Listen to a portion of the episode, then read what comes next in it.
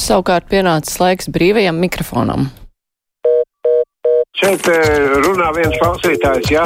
No liepājas klaucēm. Tas Siguldas zvanījums. Es gribētu dzirdēt. 6722, 888, 672, 559, ir tāruņa numuri mūsu studijā. Ļoti brīnos, ka neviens vēl pagaidām nezvana. Uh, ceru, ka ar ēteru telefoniem viss ir kārtībā, bet dažas vēstules ir atnākušas. Klausītājs Jānis raksta, labdien, nevar iedomāties, kā mums būtu jāatbalsta Krievijas federācijas pilsoņi, kuriem nav ieskaitīts pensijas viņu kontos, lai viņi iet uz Krievijas vēstniecību un lūdz naudu un zupu, ne jau mums par viņiem jārūpējas, kad būs badā, lai padomā, ko cieši cilvēki Ukrainā. Tā uzskata Jānis. Hmm. Nu, grūti jau pateikt. Nevajadzētu jau atstāt cilvēkus badā, valsts rūpējās par visiem. Pacelšu klausuli. Labdien, brīvais mikrofons. E, labdien! Sveiki! Tagad lūdzu, e, cik ilgi Latvijā būs divu, de, divu, nu, teiks, divvalodīgie bērndārs, nevis latviešu valodā, un cik ilgi būs skolas divu, divu, nu, divvalodīgās, tā saucamās bilinguālās vai kā tur? 32 gadu pagājuši pirms neatkarības atgūšanas, un līdz šim brīdim mēs turpinam tādā pašā veidā veidot. Tie, tur taču tā skolotājs vispār latviski nemāk runāt skolās.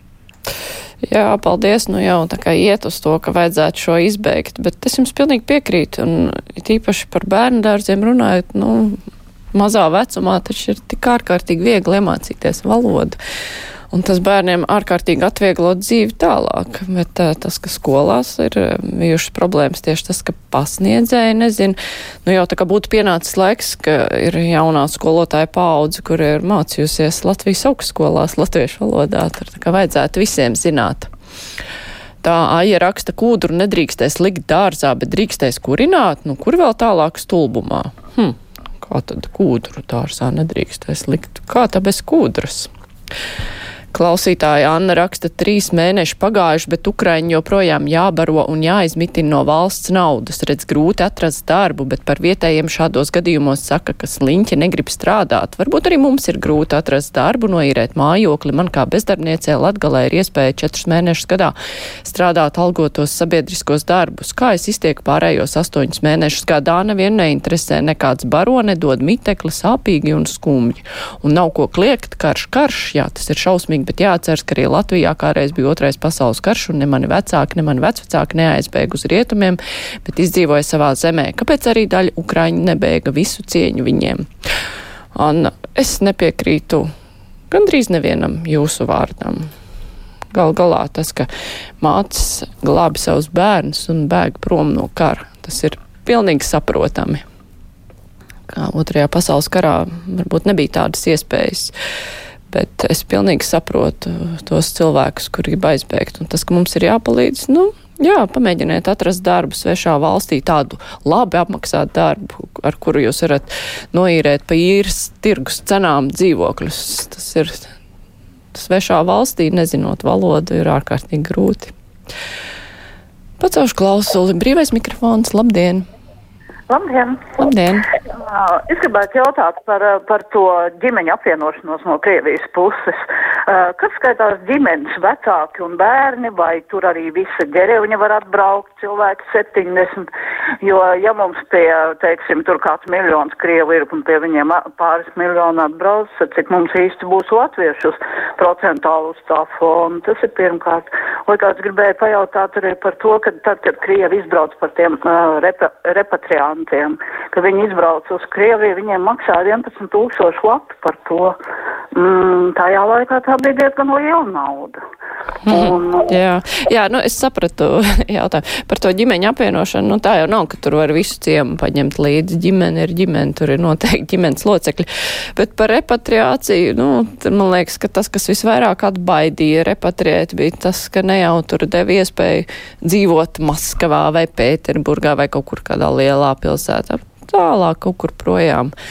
Un tas jau nebija tik kārdinoši, tāpēc jau arī negribēja braukt projām. Un te jau, saka, ir patīkamāk. Pat tad iedot naudu uzreiz. Toms raksta, esmu cilvēks ar maģistra grādu, runāju latvisku un angliski, bet ārpus valsts sektora darba būtu atrast grūti, jo visur prasa krievu valodu, pat pārtvējiem rimī. Nu, Tom jums noteikti uz Rimī nevajag iet, jo jums ir maģistra grāts, nezinu gan kādā nozarē.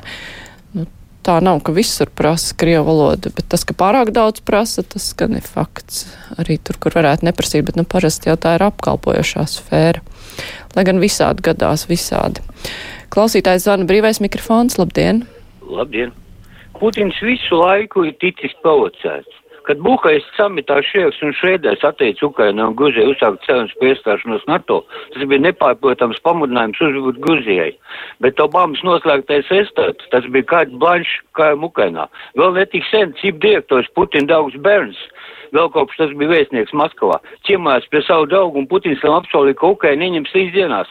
Un tas aizved piekvēst Baidenam. Pēc tam Baidens reizes 30 atkārtoja, ka ASV nekādā ziņā neiejauksies.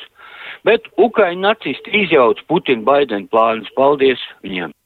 Mm -hmm. nu, paldies par jūsu komentāru. Tā klausītāja baiba raksta cilvēki, kas saņem Krievijas pensiju, saņem arī Latvijas pensiju. Mūsu latviešu pensionāri iztikuši visu laiku tikai no vienas pensijas.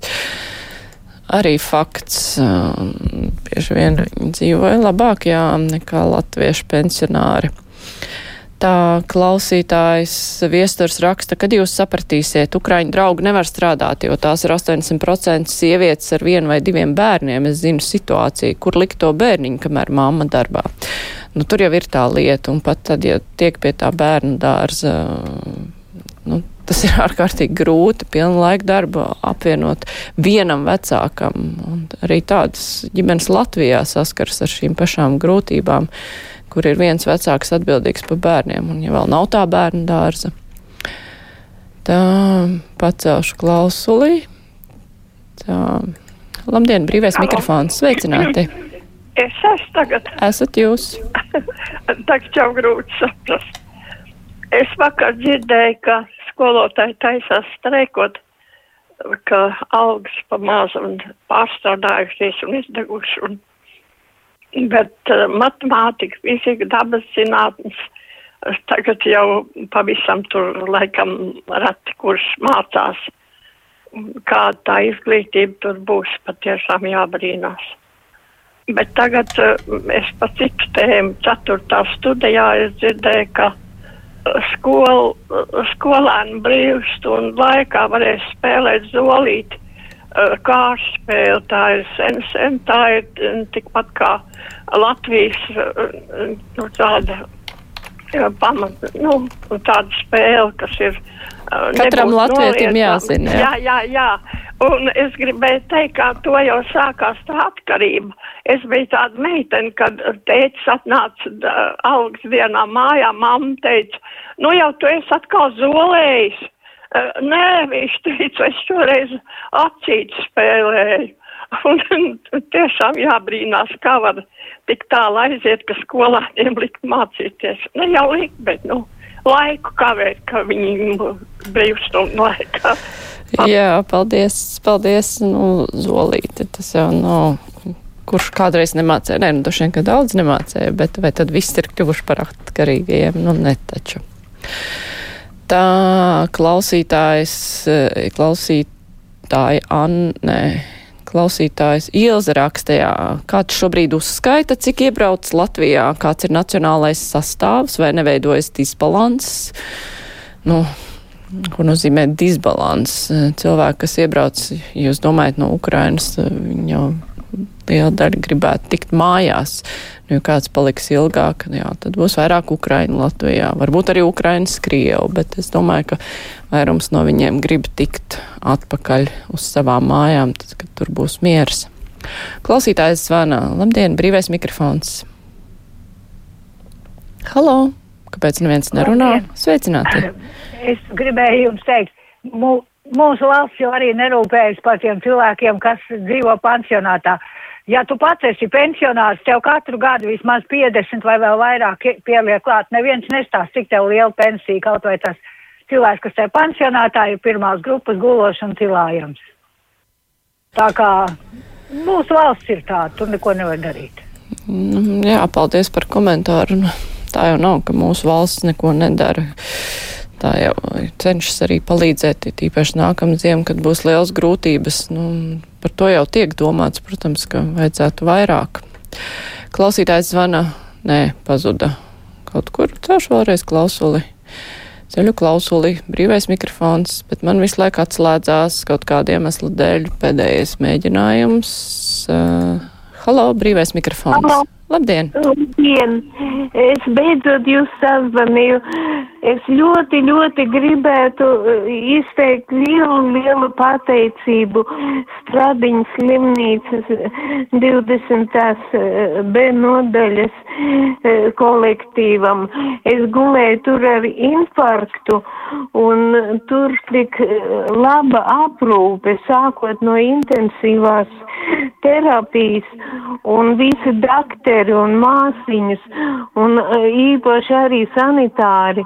E, es domāju, ka e, saimas deputātiem vajadzētu iet pāēnot ēnu dienās, lai viņi redz, kā strādā slimnīcas darbinieki. Bet stradiņas slimnīcā, sākot ar manu ārstējošo ārsti Barabikinu Alisi un visiem nodaļas vadītājiem, visi, viņi bija tik rūpīgi, tā it kā es būtu vienīgā paciente. Jā, paldies. Nu, prieks, ka jums bija laba, veiksmīga pieredze. Cerams, ka doktors Stradiņos jūs dzirdēja.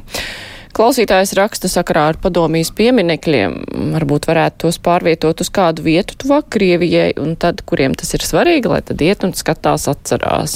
Es esmu pret jebkādu karu zemes virsū, raksta klausītājs, baidos, ka pēc kādiem gadiem atkal sāksies kasīšanās no Krievijas puses, un tad jau mūsu bērnu bērniem atkal būs jāpiedzīvo kaut kas līdzīgs kā šodien Ukrainas tautai. Ziniet, ir tāds teiciens, trakajiem zāļu nav, ceru, ka sapratāt, ko es ar to domāju, varbūt radīsies vēl kādi Putini un tad, lai mūžīgs miers virs zemes un ātrāk beidzas karš Ukrainā.